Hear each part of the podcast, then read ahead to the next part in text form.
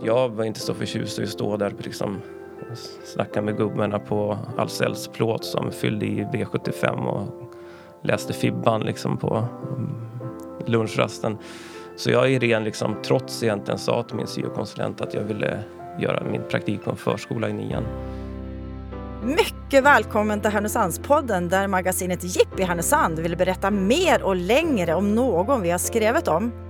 En podd där vi kan låta folk prata till punkt, där vi får lära känna Härnösands doldisar och kändisar. I Härnösandspodden får ni läsa det som står mellan raderna i Jippi i en uppriktig och gemytlig och nyfiken form. I dagens podd får du möta Hadar Nordin, 42 år, på väg mot det 43 januari 2022. Han har kallats både kaxig och Sveriges uppkäftigaste fritidspedagog. Hur det är med den där kaxigheten nu för tiden hoppas jag få svar på och varför han har startat en alldeles egen myndighet, Fritidsverket. Och hur kommer det sig att en Öviksbo blir Härnösandsbo? Jag som samtalar med Hadar heter Dag Jonsson. Ja, välkommen Hadar till Sambibliotekets musikstudio och poddstudio. Känner du till den? Tack! Nej, jag visste faktiskt inte att den här fanns. Eh, så det var väldigt roligt att komma hit. Väldigt fin lokal. Ja, när man ser sig omkring här så är det ju en möjlighet att både göra sin egen podd, spela in musik. Det hänger bas, en elbas, det hänger en elgitarr och det finns ett trumset. Ja, du har ett klaviatur bakom dig. Precis. Jag är lite sugen på att spela lite. Spelar du? Jag har spelat eh, piano och gitarr tidigare, inte så mycket, mest i yrket nu för tiden. Vad tycker du förresten om vintern som är på väg? Eh, jag älskar vintern faktiskt. Jag tycker vintern är fantastisk. Jag uppskattar det mer nu än när jag var barn faktiskt. Eh, så jag tycker att det är fantastiskt väder just nu med den här snön som har kommit. När vi bestämde träff för det här samtalet så skrev du i ett sms att vi helst skulle hitta en neutral plats och inte vara hemma hos dig. Du hade två skäl. Det ena att din hustru studerar hemma och behöver vara i fred. Är hon glad nu? Ja, idag jobbar hon faktiskt. Så att, eh, men ja, det var det ena skälet och det andra skälet får du berätta för också. Ja, det andra att du har en nyfiken, håll i er nu, en nyfiken 105 kilo tung hund som heter Nils. Ja, precis. Eh, ska sanningen fram så handlar det här kanske mer om integritet från min sida men jag kan använda min hund ibland som ursäkt för det. Men för mig är liksom hem och familj ganska någonting jag vill ha för mig själv. Eh, men att ha en 105 kilos hund brukar fungera som en ganska bra eh, ursäkt för det. Ja, alltså vi, vi, måste börja där. Först rasen och sen varför man väljer en sån bjässe. Mm. Beskriv, det är en engelsk mastiff. Precis, det är en engelsk mastiff och det är ju i, i liksom kroppsmassa den, den hund som mm, sannolikt väger mest av, av alla hundraser som vi har. Eh, men det är också en idag väldigt trevlig familjehund att ha.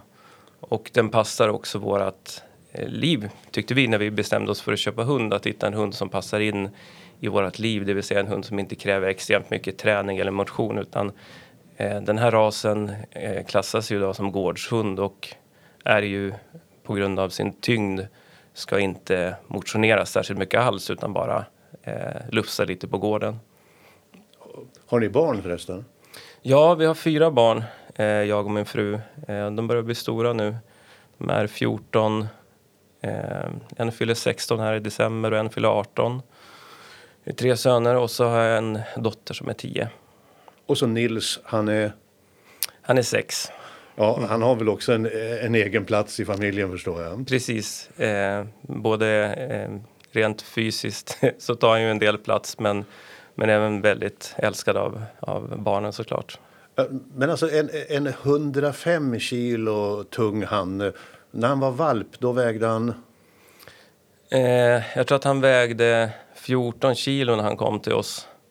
Och eh, de för, första tiden så kunde han gå upp 5 kilo i veckan ungefär. Så att eh, det dröjde inte länge innan han var för tung för att bära helt enkelt. Jag minns att när jag skaffade min hund som är åtta och ett halvt så han vägde bara fyra kilo. Nu väger han 20. Då sa jag att han ska gå upp och jag ska gå ner. Och sen efter något år så blev uppgiften egentligen att nu ska båda hålla vikten och det har vi klarat nu i sju år. Hur har det gått för dig och Nils? Eh, ja, han har ju haft en betydligt större viktuppgång än jag de senaste åren, helt klart. Eh, men nu ligger han på sina stabila 100-105 kilo och eh, eh, det är en fin hund, han är fin i kroppen, äter eh, ungefär 2,2 kilo om dagen. Gjorde ni någon ekonomisk kalkyl också när det gällde utfodringen? Eh, givetvis måste man göra det. Man måste vara medveten om vilken hund man köper, eh, anser jag. Och vi var medvetna om att det här kostar ungefär som ytterligare ett barn i liksom såväl mat som försäkring och så vidare. Men eh, ja, så ser det ut. Fullt av kärlek. Han Ja. ger mycket. Verkligen, verkligen. Ja, men då har vi klarat av Nils. Yes, Ja, jag tycker att han verkar ändå vara nästan huvudpersonen i familjen. eller hur? Då är det dags att få veta vem Hadar är. Hur skulle du själv beskriva det idag? Oj. Det där Jag tänker ju- inte på längd och vikt nej, i första precis. hand. Nej, nej, det är ju intressant att försöka betrakta sig själv från ett slags utanför perspektiv. Eh, framförallt kanske för att man ofta får spegla sig i andras perspektiv av hur människor uppfattar eh, mig eller, eller människor i allmänhet. Men utifrån mitt perspektiv så är jag ju egentligen en ganska eh, introvert person som egentligen inte tycker så mycket om att synas eller höras. Eh, inte om det gäller mig som privatperson, det är jag inte så intresserad av. Eh, men annars så tror jag att jag är eh, mm, ja, men en eftertänksam och eh, ehm, tystlåten typ om det inte behövs säga så mycket, tror jag. Det är därför du stänger dörren till hemmet. Men du, du jobbar, du sa att du, du hade käkat frukost på jobbet idag. Precis, jag är ju eh, utbildad fritidspedagog och har jobbat med eh, barn och unga i, eh, som utbildad i 20 år. Eh, så det är klart att det är en stor del av min, mitt jobb att träffa människor och, och möta människor. Men det är också det är min yrkesroll. Eh, det är inte jag som privatperson som möter människor. Utan, men det är ju vad jag gör till vardags, eh, att arbeta med, med barn och unga på fritidshem. Var då någonstans? Jag jobbar på Kasellskolan. Och frukost, vad fick du? Ja, som sagt, jag käkade ägg i morse, drack kaffe och eh, kombinerade det med nyponsoppa, vilket inte var någon höjdare. Eh, Kaviar och nyponsoppa är ju, hade jag glömt bort sedan jag var barn att det var en dålig kombination. Hörru du, barnen då, kommer de på tomma magar eller hur ser det ut på morgonen när ni drar igång? Det är lite olika. De som kommer tidigt på morgonen eh, har ju oftast aviserat att de kommer och äter frukost. Eh, och det är ju en fantastisk möjlighet, tänker jag, för både barn och vårdnadshavare att kunna lämna sina barn, att de får frukost på, på fritids på morgonen. Det är ju fantastiskt. Vad är det för ålder som du jobbar med? Eh, det är ju om man säger låg och mellanstadieåldrar på de eh, barnen som jag jobbar med. Som mellan 6 och 11, 12 ungefär. Har det varit så hela, alla de här 20 åren?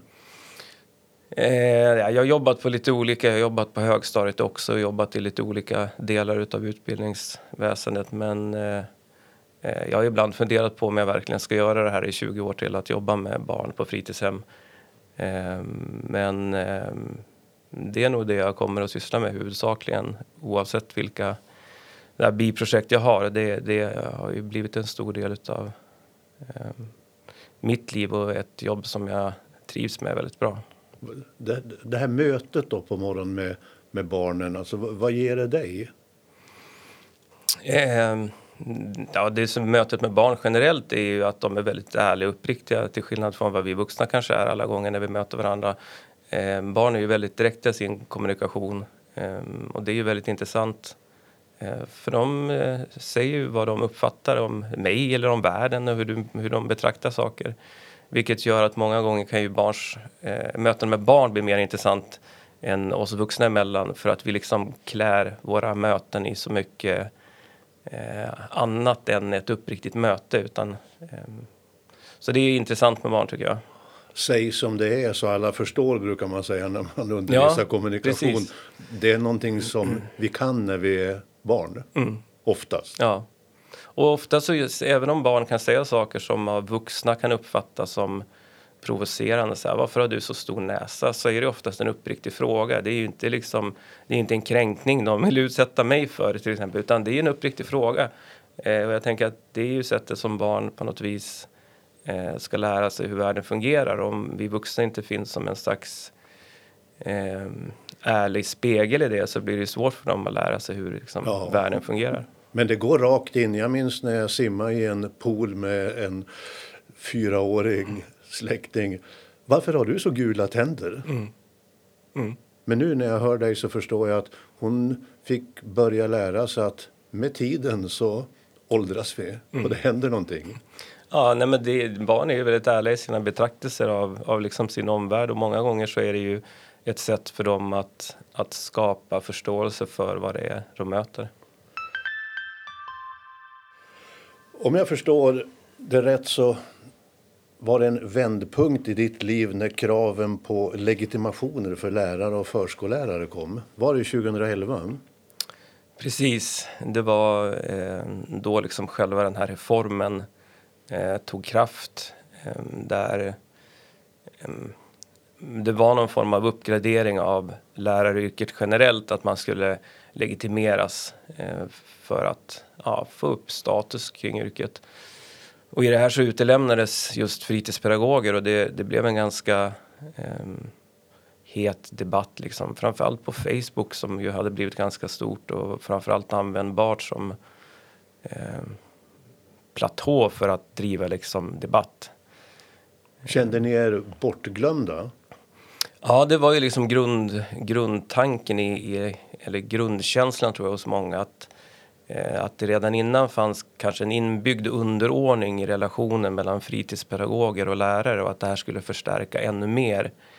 Ehm, där det liksom fanns i skrivningar att fritidshemmet är ett komplement och att på många sätt så blev fritidshemmets verksamhet åsidosatt uppfattade vi. Och det här blev en oro för att det i ännu större utsträckning skulle innebära en underordning istället för en, en jämbördig samverkan med, med skolan. Och du pratar om Facebook, men du startade någonting som hette fritidspedagogik.se och, och, och hamnade i hetluften riktigt. Vad hände?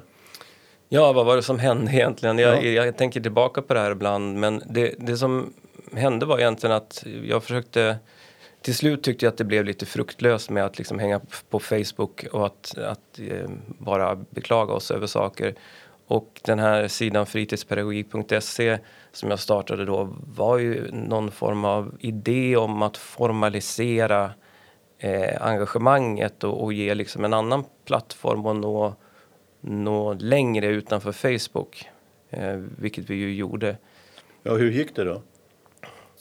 Ja, det slutade ju med både det ena och det andra men, men eh, jag och några eh, kamrater hamnade så småningom på dåvarande eh, utbildningsminister Jan Björklunds kontor eh, och fick möta hans statssekreterare och överlämna någon form av namn, namninsamling och så vidare.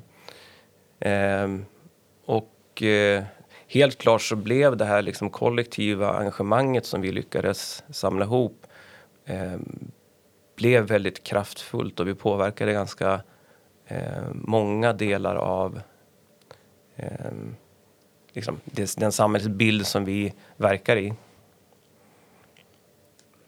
Men blev det för mycket av det här? För det blev några tysta år sen. Ja, det här var egentligen... Eh, vi bodde i eh, Stockholm när det här började. Och eh, under, efter, liksom, åren efter 2011 där Ehm, blev det rätt mycket kring att jag även började föreläsa och blev liksom inom den lilla världen som jag befinner mig någon form av offentlig person. Ehm, men med våra fyra barn där och vi bestämde oss så småningom för att flytta från Stockholm. Ehm, och det var i samband med det som jag också bestämde mig för att ta ett steg bak. Dels för att jag tyckte att hela, eh, hela det här engagemanget byggde för mycket på på mig. Jag tänkte att det, det fanns andra människor eller ett annat kollektiv som kunde kliva fram, att det behövde inte vara jag.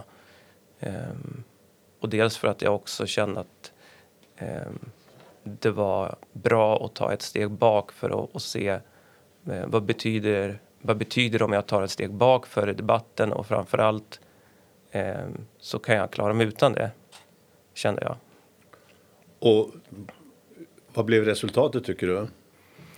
Jag tänker på debatten och på den fråga som ni drev. Ja.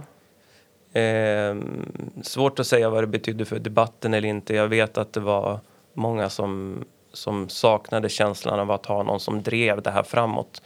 Eh, för egen del så fick jag nog mycket perspektiv på eh, vad som var viktigt. Det är lätt när man hamnar i debatt att, att själva debatten eller kampen blir det viktiga och, och att sakfrågorna hamnar på, på sidan av, vilket jag tycker att det delvis gjorde. Det blev väldigt låsta positioner mellan fritidspedagoger och Lärarförbundet och lite olika eh, positioneringar, vilket ju låste det för alla egentligen. Eh, så det, det, tyckte jag var kanske det bästa med att kliva ifrån ett tag, att få lite perspektiv på vad som hade varit och att jag också kunde fundera på att om jag vill kliva tillbaka in i, i det här, eh, vem vill jag vara, vad vill jag åstadkomma och vilka förändringar skulle jag vilja genomföra? Så det handlade för min del om att ha en lite mer medveten idé om vad, vad det skulle leda till. Fem snabba frågor. Punk eller hårdrock? Eh, hårdrock. Skägg eller slätrakat? Skägg. Timrå eller Modo? Modo. Film eller böcker? Böcker. Uppkopplad eller avkopplad? Oj, står de i motsättning till varandra? Eh, uppkopplad just nu. Jag sa i, början att vi sitter i Sambibliotekets egen studio. Här spelar de in en, en podd förresten, en bibliotekspodd som heter Ofiktion. Har du hört den någon gång? Nej, aldrig. Nej, ett litet eh, poddtips då, förutom härnösandspodden.se. Men din egen bild av ungas läsning, för vi sitter ju i ett uh, hus fyllt av böcker men också möjlighet att låna paddor och hela den interaktiva, internetbaserade pedagogiken eller kulturen finns ju här också. Men vad säger du läser barn idag? Jag tror att barn läser andra saker än, än vad kanske jag gjorde när jag var liten och jag tänker att det blir lite som det här begreppet barn av, av sin tid. Um, barn läser det som är viktigt för dem. Uh, och jag vet att det pratas mycket om att barn läser för lite. Um, eller om det är vuxna som läser för lite för barn kanske. Det, det, jag är inte säker på att den tiden finns heller idag.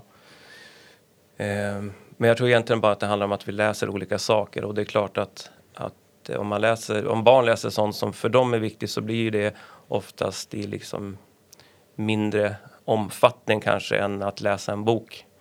Ehm, men jag tyckte att det var intressant faktiskt. Jag tittade på Ehm, statistik någon gång kring så barn och ungdomars vanor, vad man gör på fritiden och så vidare. Och det visar sig att eh, det finns en grupp som i, i, ganska stor utsträckning fortfarande utnyttjar biblioteket och det är, det är ungdomar som kommer från invandrarfamiljer. Vilket jag tyckte var otroligt intressant. Eh, att biblioteket kanske har liksom fyller en funktion för andra människor idag än vad vi tänker oss. Eh, men jag, jag, generellt, jag älskar bibliotek. Jag brukade gå förbi bibliotek när jag gick hem från skolan. Eh, titta i böcker, bara läsa på baksidan. Eh, men jag tänker att det är andra tider framför allt. Ja, men jag tänkte på det, din egen uppväxt i Övik. Hur, hur var den? Hur såg det ut hemma hos dig? Det var en bra uppväxt, tycker jag. Eh, mm, jag ägnade väl ganska mycket tid faktiskt på bibliotek och i Folkets hus som, där vi startade upp en ungdomsgård när jag blev yngre. Eh, så en ganska stor del av min uppväxt har jag spenderat kring, kring sådana saker. Eh, men det är, det är intressant att tänka bakåt och jag tänker att det jag gör idag, eller det yrkesval jag, jag gjorde, tror jag egentligen att jag gjorde när jag var 15 kanske. Och det var?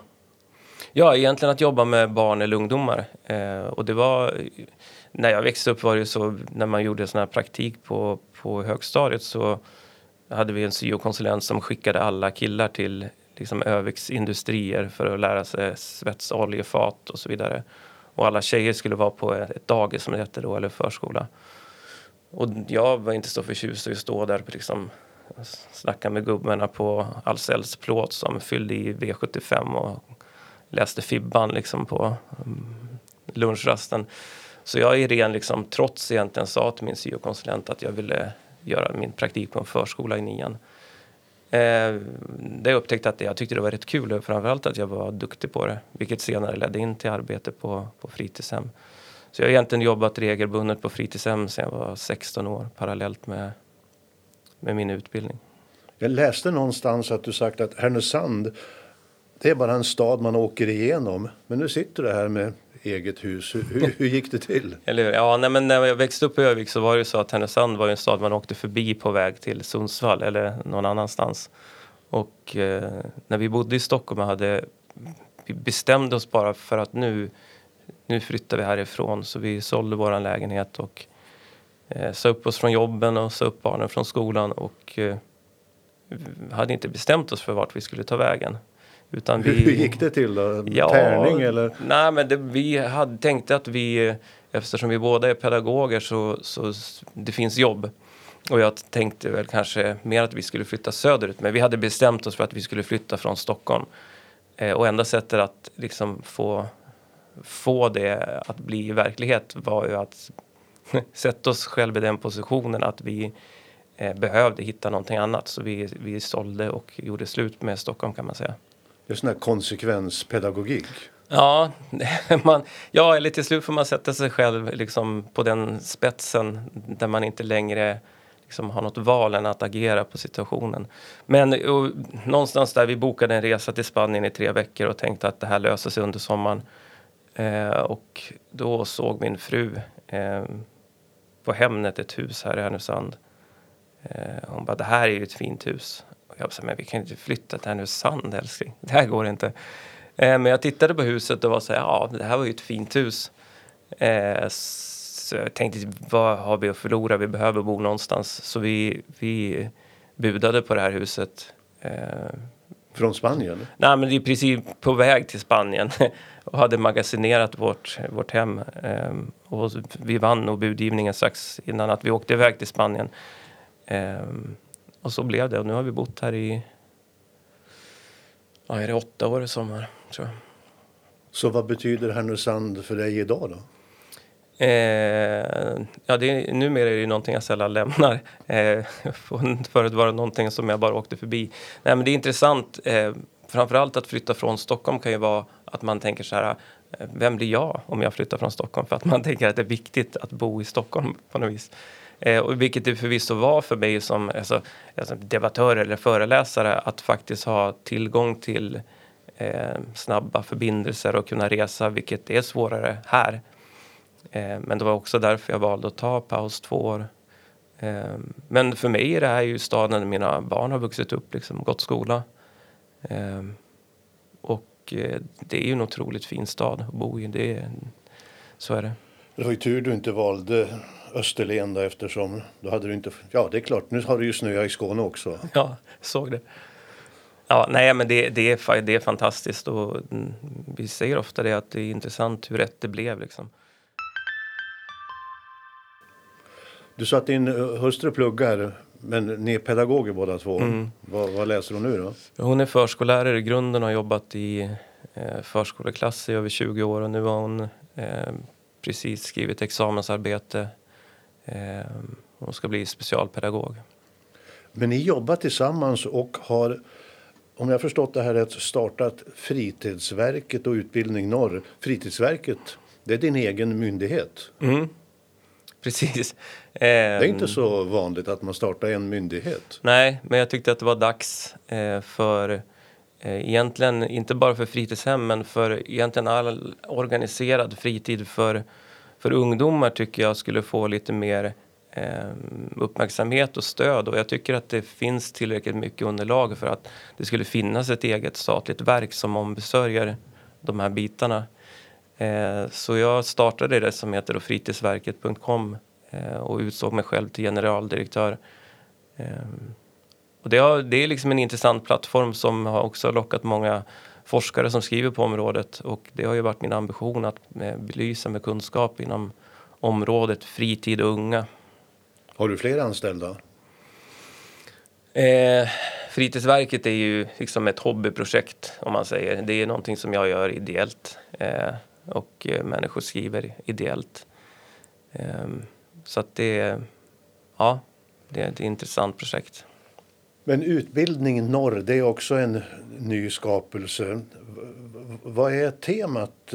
Vad är, ni, vad är budskapet så att mm. säga i dina utbildningar eller föreläsningar? Alltså grundtanken, jag funderade redan tror jag, 2016 på det här att starta ett eget fortbildningsföretag eftersom jag själv hade föreläst egentligen runt hela Sverige och många gånger för stora fortbildningstag som eh, Eh, jag uppfattade tog otroligt mycket pengar betalt utav eh, de som skulle komma och lyssna och sen så betalade de ganska dåligt till föreläsarna.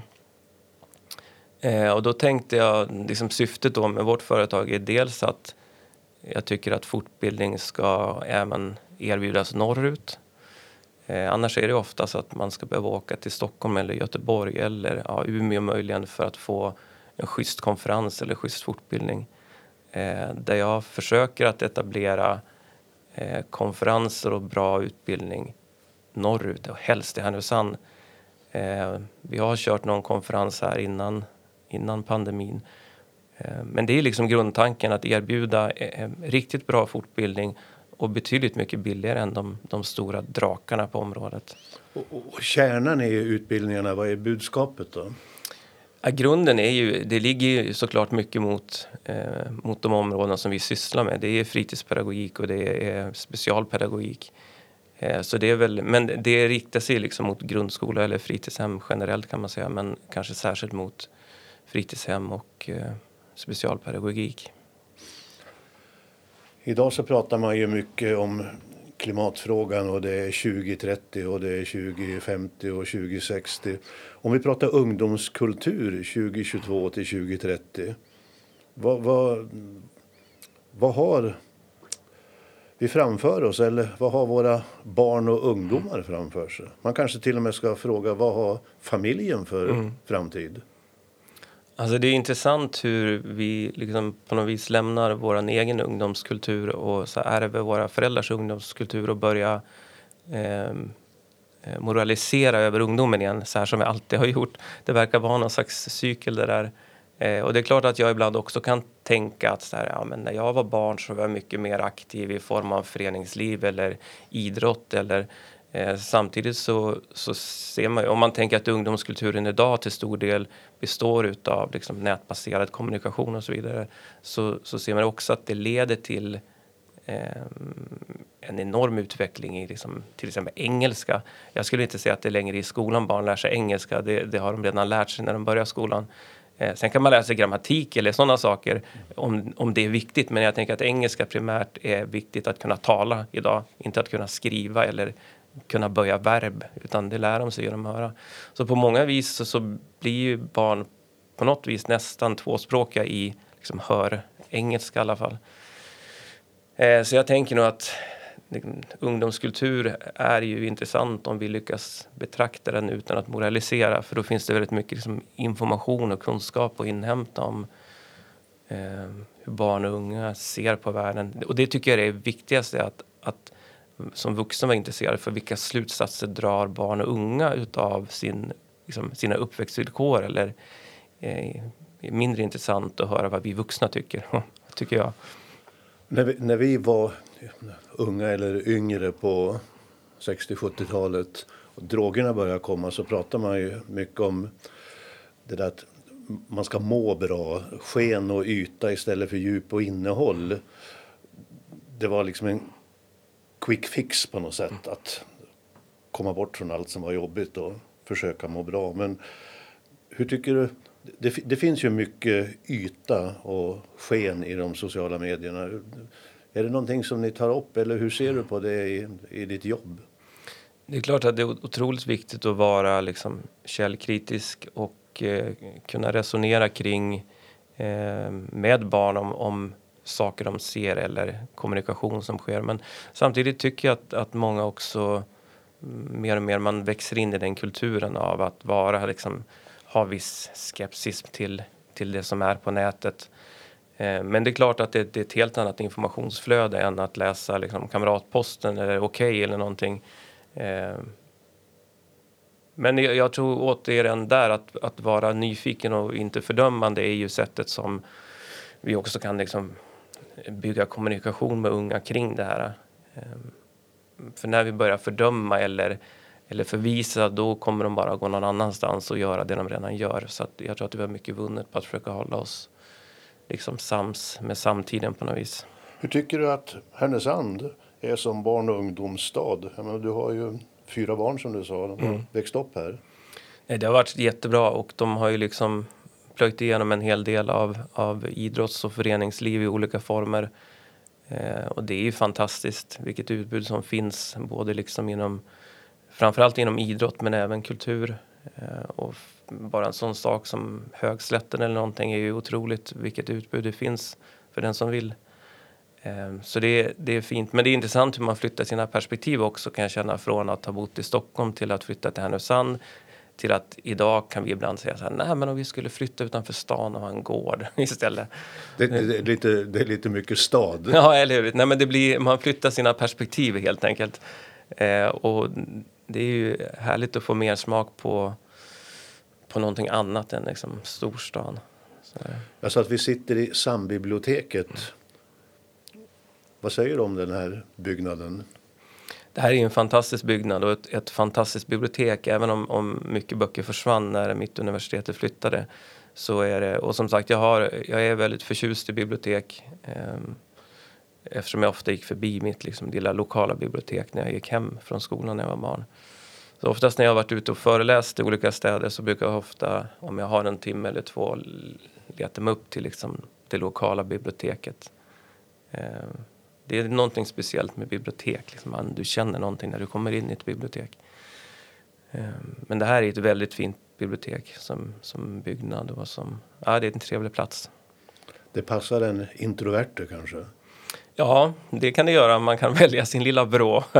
Kanske var därför jag var, som barn också sökte mig dit många gånger. Man kunde plocka fram en bok och sätta sig i ett hörn. Ja, men de sa ju det att du var så kaxig och uppkäftig och tog debatter. Men mm. du pratar ju helst om teamwork och lågmäld. Mm, men det, det är också det där är ju ett sätt att så, marginalisera eh, en person som eh, jag faktiskt kom med väldigt eh, konkreta och tydliga idéer eh, och också hittade eh, brister i liksom, den fackliga strukturen. Eh, och det är betydligt mycket lättare att marginalisera det och kalla någon för uppkäftig eh, än att faktiskt bemöta det och säga så här, det ligger någonting i det du säger. Eh, så att det var det jag menar, att det blev lite så här, liksom, positionering där och, och eh, på ett sätt så, så kanske det var positivt för att vi fick fram debatten. Att vi fick fram någonting som framstod som en uppkäftig kämpe som stod på barrikaderna. och liksom så här. Eh, vilket jag delvis var, men, men jag kanske fick välja den vägen också för att komma fram. Eh, men det är intressant hur ett sånt där epitet kan leva kvar i liksom tio år.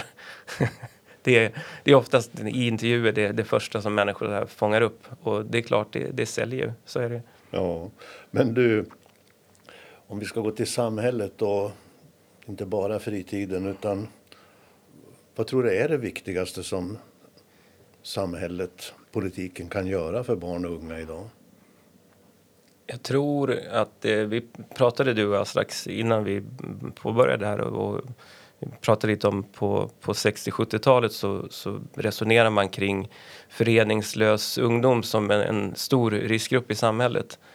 Eh, och jag tänker att den riskgruppen idag är eh, man kan omformulera det till att den riskgruppen idag är unga som saknar ett sammanhang att vara i. Sen om det sammanhanget är idrott eller kultur eh, eller en väldigt närvarande familj eller så så. Men jag tror att om man saknar ett sammanhang som är positivt eh, så är det liksom den stora risken idag. Eh, och många gånger så är det så att för, för unga är ju sammanhang det viktiga. Att ha en känsla av sammanhang. Sen är det inte alltid ett positivt sammanhang. Så jag tänker att det är det viktigaste för oss att skapa många olika arenor för, för positiva sammanhang för unga. Men din egen framtid då? Blir det fortsatt bas i Härnösand? Ja, eh, det tror jag. Och förhoppningsvis eh, eh, på en gård någon gång framöver. Vi, vi köpte faktiskt en häst i maj, en islandshäst. Eh, Då måste jag fråga, hur mycket väger hästen? Bra fråga. 350 kilo, 380 kilo kanske, jag minns inte riktigt. Tyngre än hunden definitivt. Eh, men eh, det har också gett mer smak att här, mocka hästskit liksom. Det ger mig någonting helt annat än, än mycket annat. Men, men hästen kan inte bo i huset med Nils och er? Nej, det hade man ju kunnat önska, men det funkar inte. Men det, det, det, Härnösand definitivt blir kvar här ett tag till och som sagt förhoppningsvis kanske på någon gård någonstans. Alltså det låter som ditt uh, nya stora projekt vid sidan av utbildningen norr och fritidsverket. Ja, det återstår att se vart, vart det landar i, men, men jag känner att det liksom börjar locka den här att ha höns eller ha fler djur eller eh, större, större mark. Inte ha grannar nära. Jag känner liksom att jag mer och mer kommer till den punkten att jag uppskattar att eh, på min fritid kunna vara liksom i fred och göra saker. Fem snabba frågor. Övik eller Härnösand? Härnösand. Barn eller tonåringar? Tonåringar. Jätteroligt att ha tonåringar. Hund eller katt? Hund. Arbete eller fritid? Oh, svår fråga. Eh, en kombination, en bra kombination av båda. Och nu då, hund eller islandshäst? Islandshäst. Otroligt förtjust i islandshästar. Ja, det är bara någon vecka in på det nya året 2022 som du fyller 43. Mm. Har du några färdiga planer för dagen?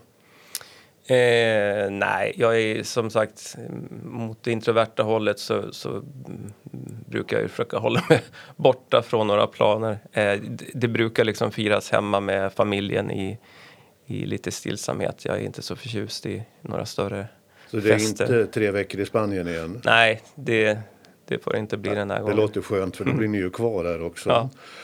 Ja. Du, om vi börjar närma oss slutet så tänkte jag jag hoppas att din fru har fått studera i fred hemma i huset. Alltså fattar Nils att han måste respektera Mattes behov av lugn och ro? Eh, Nils är ju som sagt en fantastisk hund och han, han sover om han får 16-17 timmar per dygn.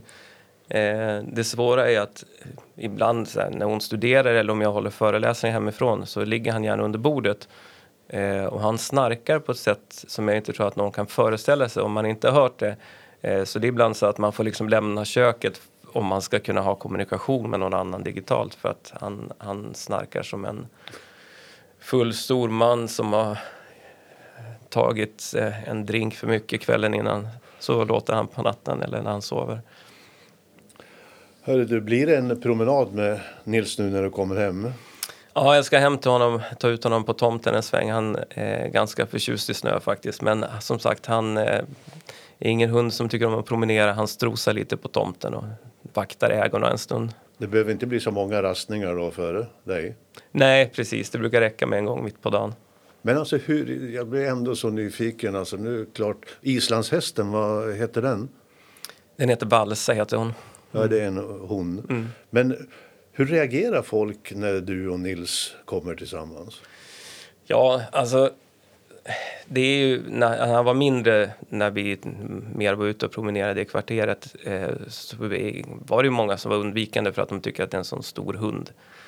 Eh, men nu liksom, när mina barns kompisar och vänner kommer och hälsar på, de är ju väldigt fascinerade och förtjusta i honom. Eh, det, de flesta har ju aldrig sett en så här stor hund, så är det.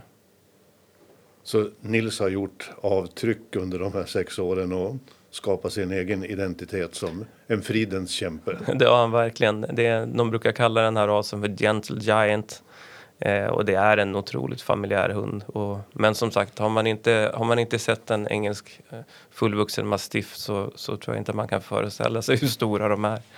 Ja, men vi får väl säga att eh, tack för att du tog dig tid. Och du kanske inte är så stor, eh, Hadar, men ser man dig och Nils tillsammans, då vet man vilka man har mött. Ja, det tror jag. Tusen tack. Du har nu lyssnat på Härnösandspodden. Intervjun gjordes av Dag Jonsson. Ljudtekniker och producent var Martin Sundqvist på Alltid Marknadsbyrå.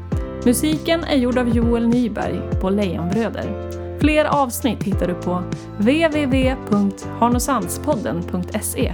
Vem vill du lyssna på? Tipsa oss på info at harnosandspodden.se